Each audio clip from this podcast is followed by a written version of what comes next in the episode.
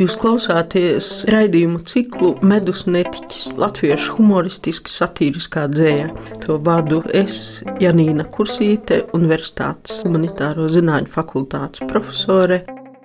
Raidījumā skanēs dzēja, smiekli, anekdotas smiekli un vispār smiekli un smaids.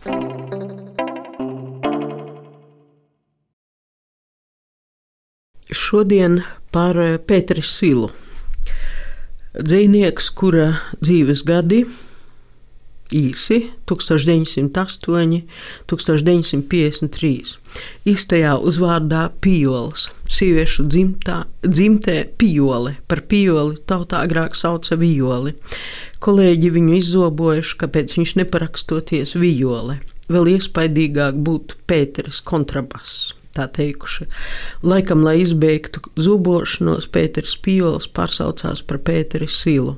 Dzimis Smiltenē, skolas laikā kopā ar Artūru Kaugaru, vēlāko trimdas dzinieku, sagatavoja literāru žurnālu. Pijols izvēlējies pseidonīmu Salgriezis, bet Kaugars kļuvis par blāzmoni.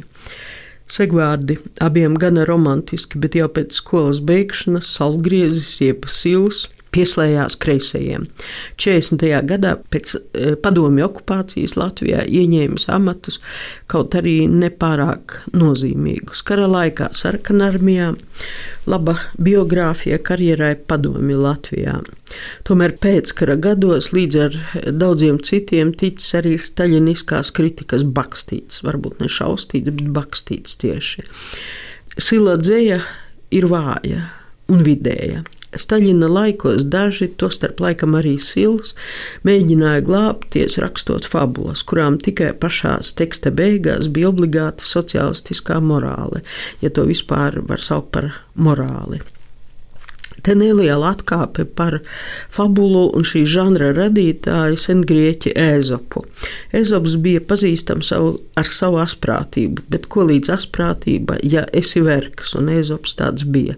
Un tieši tāpēc viņš arī izgudroja fabulu, ka bija vergs, jo tiešā veidā teikt to, ko domā, nevarēja.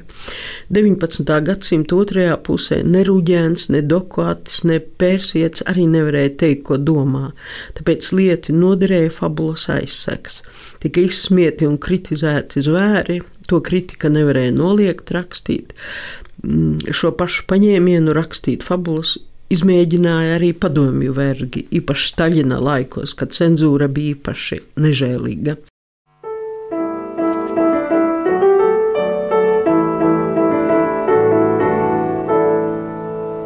Kad sēdu tēraut kumeļā un cenu vāgas tīrumā, lai lietus līst vai saule spīd, man priecīgs prāts ir katru brīd. Šķeļ zemi spoži lēmeši, dzied cilgmēlīgs mi cīruļi, kā liela bite traktors dūts un viegli elpo mana krūts. savu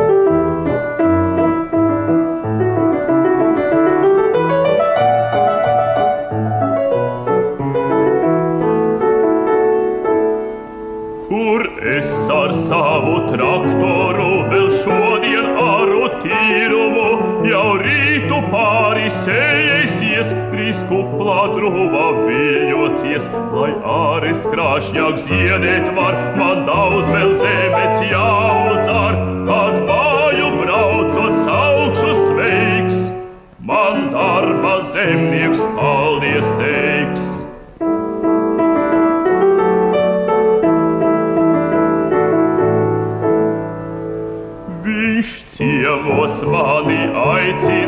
Pie sevis rudens sērstībās, kad gardiem raušiem pils būs galds un kausā putos miestiņš salds. Mēs jautru dziesmu uzsāksim un dejosim un līksmosim, kas krietni darbu darīt prot. Tas var pēc darba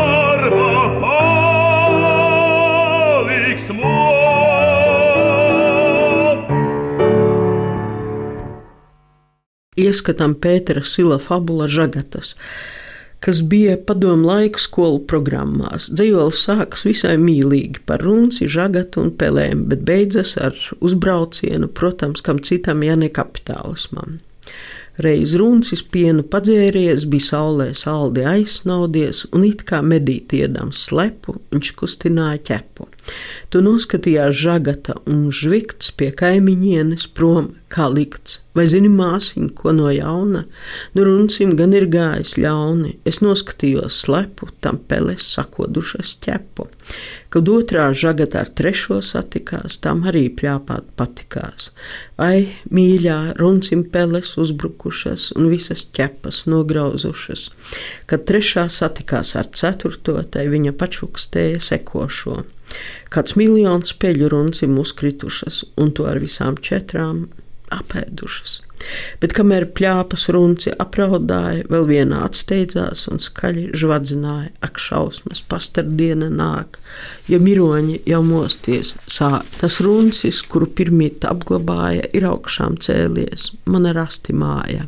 Un klāt pie šī dzējoļa, tā teikt, morāliskais nobeigums Reiz plāpas dzirdēja, ka rītu sāksies kari, to rādot zvaigznes, skorpions un svāri to vēstot. Tāds lūk fakts, kā Atlantijas pakts. Nāc prātiņu mājās, ir jau gan šis pakts, bet tautas negrib karu, tāds ir fakts. Jā, kas tad lādēs, kas tad šaus? Nē, tautas karu nepieļaus. Ak, sargāsimies, ticēt žagatām, visvairāk paši piederēt pie tām. Te jāpaskaidro, ka Atlantijas pakts ar to laikam domāta 49. gadā starp Rietumu valstīm un Ziemeļamerikas valstīm parakstītā vienošanās par sadarbību kolektīvā aizsardzībā. Tas bija aizsākums NATO izveidē. Dabiski, ka PSRS tas bija kā dadzis acī. Fabulas vidusdaļa par pļāpām, kas dzirdējušas, ka rītu sāksies kari, ir atrodama 54. gadā izdotajā latviešu dzējas antoloģijā, bet 60. 90. gadā iznākušajā sila krājumā fabulas un humoristiski dzējoļi, tā jau ir izņemta aktualitāte pazudusi. Toties krājumā parādījušās jaunas padomu reālijas fermas, kolhoznieki, cukurbietas pionieri, nu, kā piemēram Marta dienā. Pagalmā savā lielā centībā pionieris Juris strādā nenoguris, dzējolīts Strasdu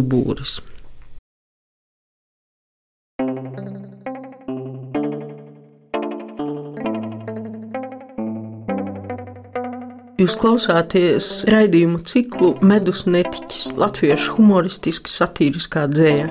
To vadu es, Janīna Kursīte, Universitātes humanitāro zināņu fakultātes profesore. Raidījumā skanēs dzēja, smiekli, anekdotas smiekli un vispār smiekli un smaids.